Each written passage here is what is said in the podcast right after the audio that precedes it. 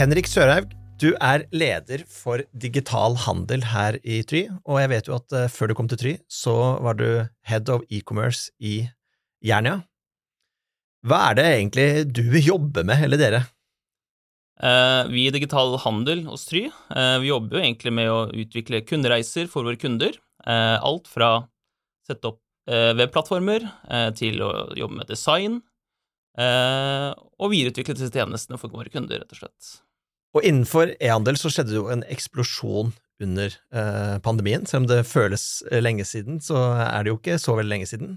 Hva er det, hva er det som har skjedd innenfor e-commerce de siste fem årene som er eh, spesielt, tenker du?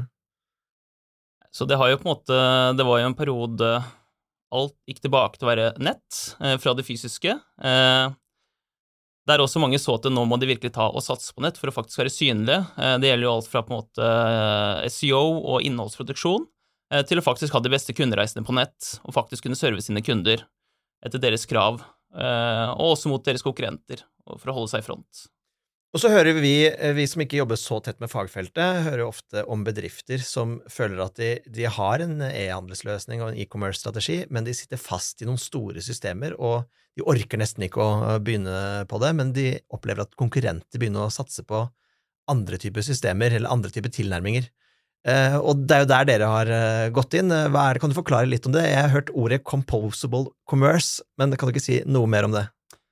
Ja, det er jo alltid noen nye ord som man må lære seg når man kommer inn i fagområder.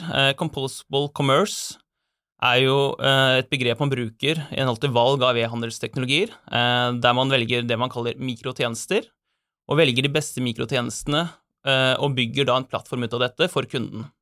Eh, tidligere eh, så har man vært mer på de monolittiske systemene. Eh, det er også der våre konkurrenter er i dag.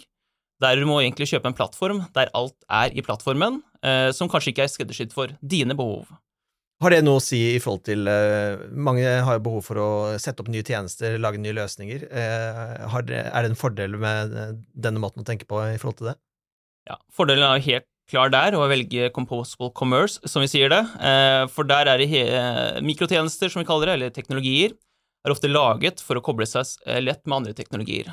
Eh, det vil si, etter kundens behov så kan vi hente inn nye teknologier og koble dette sammen med det man allerede har, og deretter kan skalere etter kundens behov. Er ønsker å utvikle en ny tjeneste som kanskje krever en ny teknologi, så er det mye kortere fram til en best of breed-løsning for kundene, der de faktisk kan utfordre markedet, istedenfor å kjøpe noe som er halvferdig, men det er vanskelig å faktisk eh, skru på til at det skal bli best in class.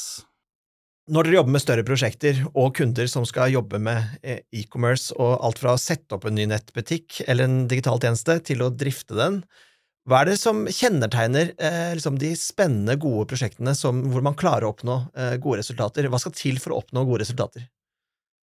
Det første er jo å ha et veldig godt samarbeid der begge parter er investert, eh, det er produkter på begge sider, og vi har en klar strategi på hva vi faktisk skal lage, eh, og en prosess for å møte disse.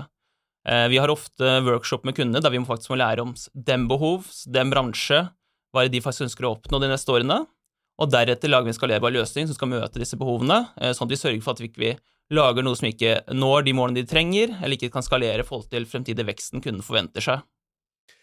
Og så er jo du eh, leder jo da en stor avdeling eh, sammen eh, med mange andre eh, på Tyhuset, hvor det er mange andre typer funksjoner. Hva er fordelen med å tenke integrert mellom de ulike sjangerne når man skal jobbe med en e-commerce-strategi for et selskap? Try har jo en unik posisjon der vi er nå, eh, i forhold til det at vi har satset på digital handel de siste årene, eh, der vi allerede har utrolig mange bra fagområder som er nødvendig for en god digital handel-løsning. Eh, vi jobber supertett med andre avdelinger den dag i dag for å gjøre det beste for våre kunder. Eh, det kan være SEO, det kan være sporing av kundereise, som andre fagområder gjør i dag, eh, til innholdsproduksjon for digitale flater. Tusen takk, Henrik. hvis du skal oppsummere med noen korte setninger på hvorfor norske virksomheter bør satse på e-commerce, hva ville du sagt da? Flere og flere kundereiser starter på nett. konkurransen blir høyere og høyere. Det er flere og flere konkurrentene deres som antagelig satser på nett i dag. Eh, skal man være i front, eh, så må man faktisk satse på dette her. Eh, man må vurdere teknologiene og finne riktige teknologiene for dere. Og har man også fysiske butikker, så er det også viktig å tenke på det i valg av teknologiene for nettbutikken, der dette faktisk også kan dras ut til det fysiske, som igjen lager en omni-kanal, som vi også kan kalle det. Hvis du vil lære mer om dette temaet, kan du enten gå inn på try.no, eller ta kontakt med fagpersonen du nettopp hørte. Kontaktinformasjon finner du i episodebeskrivelsen.